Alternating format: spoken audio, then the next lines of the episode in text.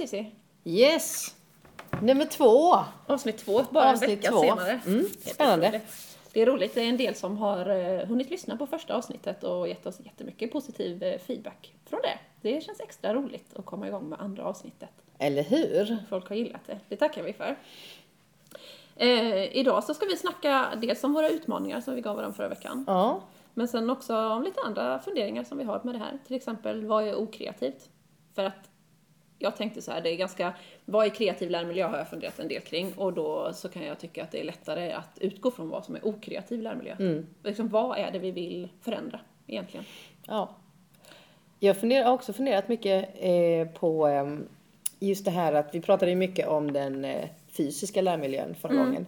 Eh, och eh, det är ju så otroligt många aspekter, många delar i lärmiljö. Så att eh, vi skulle ju kunna prata lite om också just det här, kanske digital lärmiljö och eh, Bra. vad är, det, vad är det mer för delar i lärmiljön? Ja. Eh, anledningen kan man väl säga som, som därför varför vi börjar på den fysiska lärmiljön är ju att den är ju lättast att ta på på ett sätt. Och den är ju väldigt viktig. Eh, för att den eh, förenklar tror jag ganska mycket av den andra lärmiljö, eller eh, kreativiteten, just att man kan få en skjuts på vägen bara Ja. av enkla medel. Men den är ju inte allt, så det är ju viktigt att man har alla aspekterna med hela Absolut, tiden. Absolut. Och den, eh, den, är, den är ju mer hands-on, liksom, den fysiska Mm. lärmiljön, och kunna se och förändra den. Men den tar också ganska lång tid att förändra.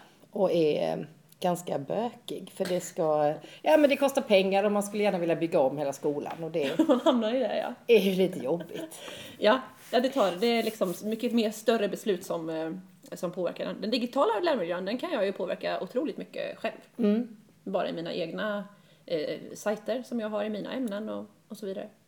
Det kan jag ju ändra idag faktiskt. Ja, precis. Hur tänker du på digital lärmiljö? Nej men det var, det, det var ju så här att i den klassen där jag undervisar så har de en SO-lärare som de tycker väldigt mycket om.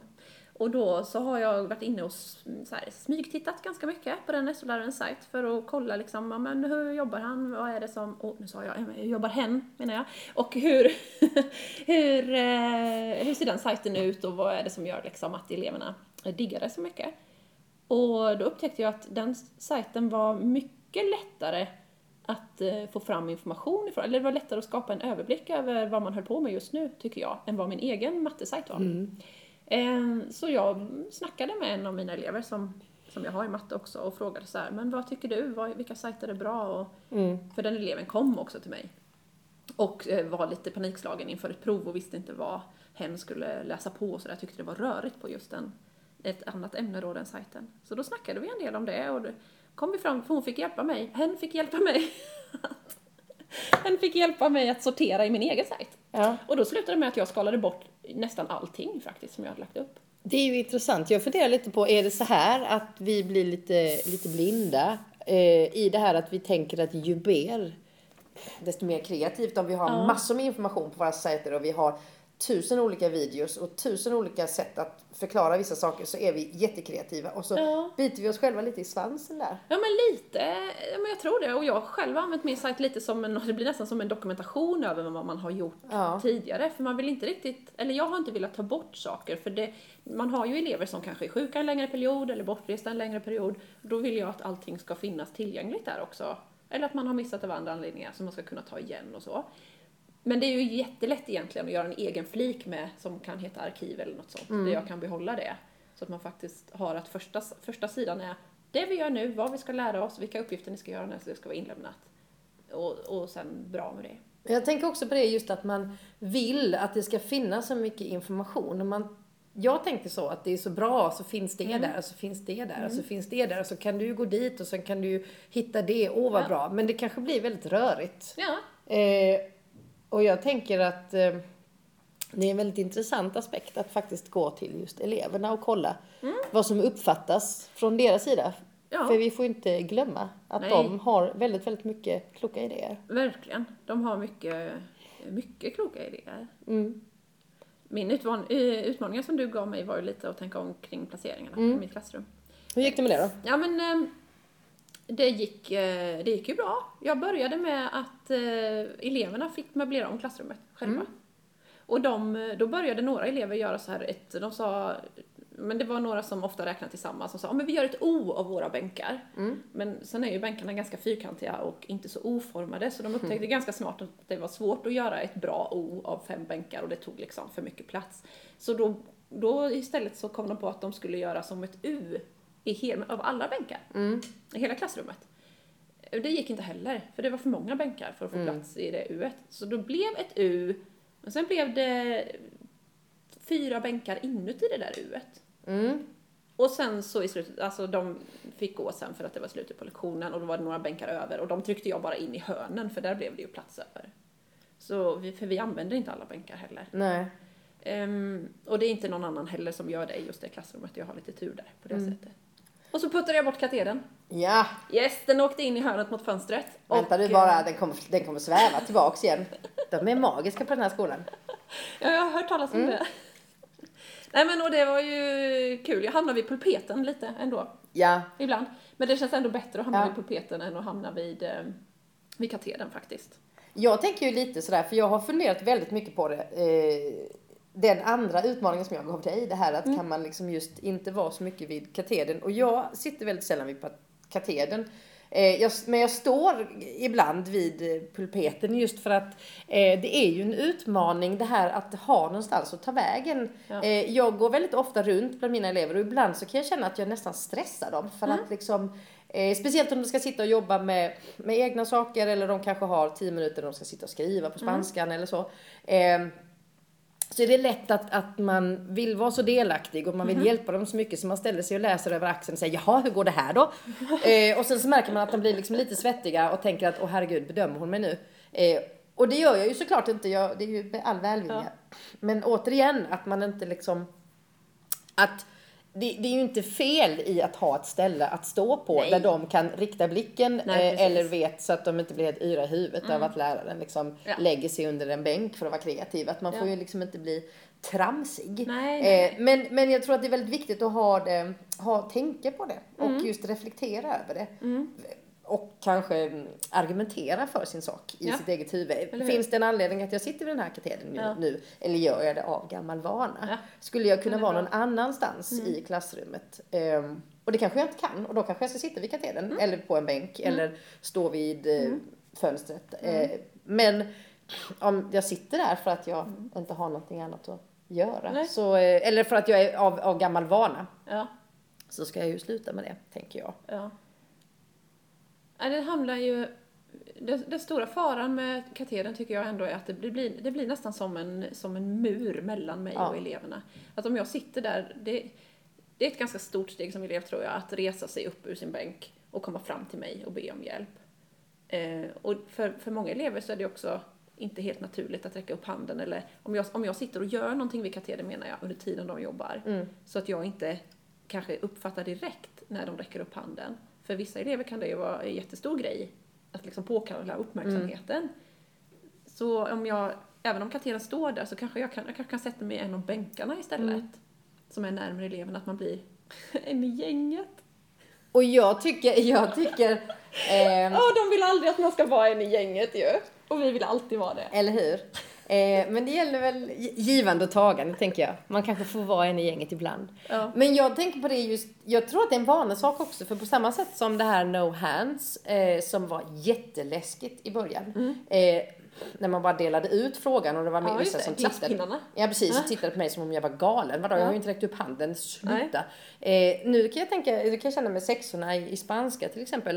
Eh, där jag har gjort så från början och varit väldigt, väldigt tydlig med att ja, räck ni upp handen men det behövs inte. Jag kommer dela ut frågan och om ni ska räcka upp handen eh, så kommer jag säga till. Och jag tycker liksom att, och vi har pratat jättemycket om just den här grejen att inte att inte, att inte vara nervös och inte, det gör ingenting om man säger fel och delar jag ut frågan så är det nu ska du chansa och säg precis vad du tänker. Och blir det fel så går vi vidare. Det är liksom ingen fara. Och jag tycker mig märka, och nu går de bara i sexan och det är ju så här vi har jobbat från liksom dag ett. Och jag tycker att det finns liksom en, jag har inte behövt vänja dem av med någonting. För att de Nej. kommer till mig och det är det här som gäller. Och då tycker jag liksom bara från första liksom veckorna, första terminen och nu är vi inne på andra terminen. Så tycker jag jag ser en, det är liksom inget konstigt. Det är inget konstigt, de vet vad som gäller. Och på samma sätt kan jag känna det här, mitt maniska, att jag går runt hela tiden. Eh, tycker jag också att det är ofta så att jag går runt och bara säger, ja hur går det här ungefär? Eller kollar lite så här, jag bara kollar och så bara, jo du förresten, alltså det här. Och då kommer Ja. frågorna, Ja. de där som de kanske inte vågade ställa Mm. för de var, visste inte om de var tillräckligt smarta. Och elever fortfarande tyvärr är ju rädda för att ställa dumma frågor. Mm. Ja.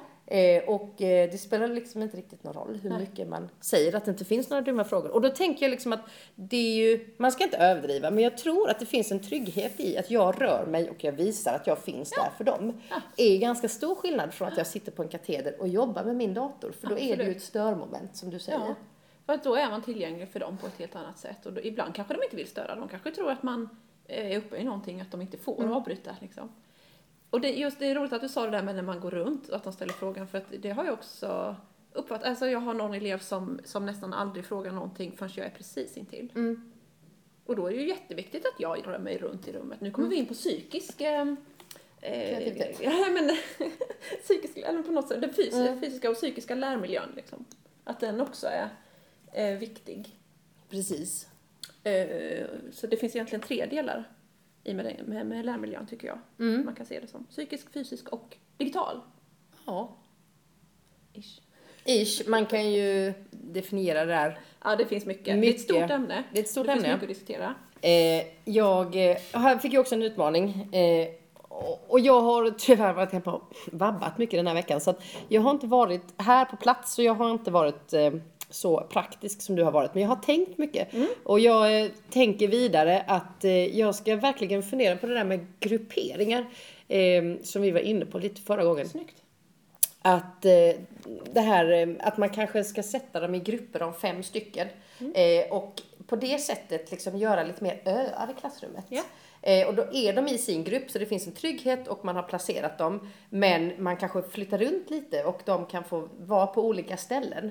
Eh, och mest bara testa det greppet. Hur menar du? Menar att du gör en grupp men att de får sitta på, i olika öar på olika lektioner? Men att gruppen är fast? Precis. Ja, okej. Alltså jag tänker att de är fem och fem till exempel, bara ett exempel. Och sen så eh, har jag kanske idag får den här gruppen sitta vid fönstret och den får sitta där, den får sitta där. Grupprummen och sånt. Och grupprummen och sånt. Men att man har liksom sin grupp och det handlar ju inte om att man behöver jobba tillsammans, det handlar inte om ett grupparbete. Men för att man ska undvika den här delen i placeringen när man säger så här, var ska jag sitta? Den här, är man, känner man sig ensam till exempel i en klass så kan det vara ett fruktansvärt ögonblick att komma in i ett klassrum och inse att Ja. var ska jag sitta? Precis. Sätter jag mig här, kommer in och sätter sig Mm. bredvid. Att man vet att jag sitter i min grupp, det är inget konstigt, det är ingen Nej. som frågar. Nej. Sådär. Men jag tänker lite på, eh, jag vill ge dig en ny utmaning. Yes! Jag är på. Vad- Hör, let's hear it. Jag tänker, eh, jag tänker ge dig eh, eh, två Okej, utmaningar. okej, okej. Den ena utmaningen är att jag tänker att du ska få läsa lite. Och den utmaningen tänker jag ge mig själv också. Gött. Eh, det finns ju en tjej som heter Anna Craft. Ja. Som har eh, skrivit rätt mycket om det här. Forskat lite.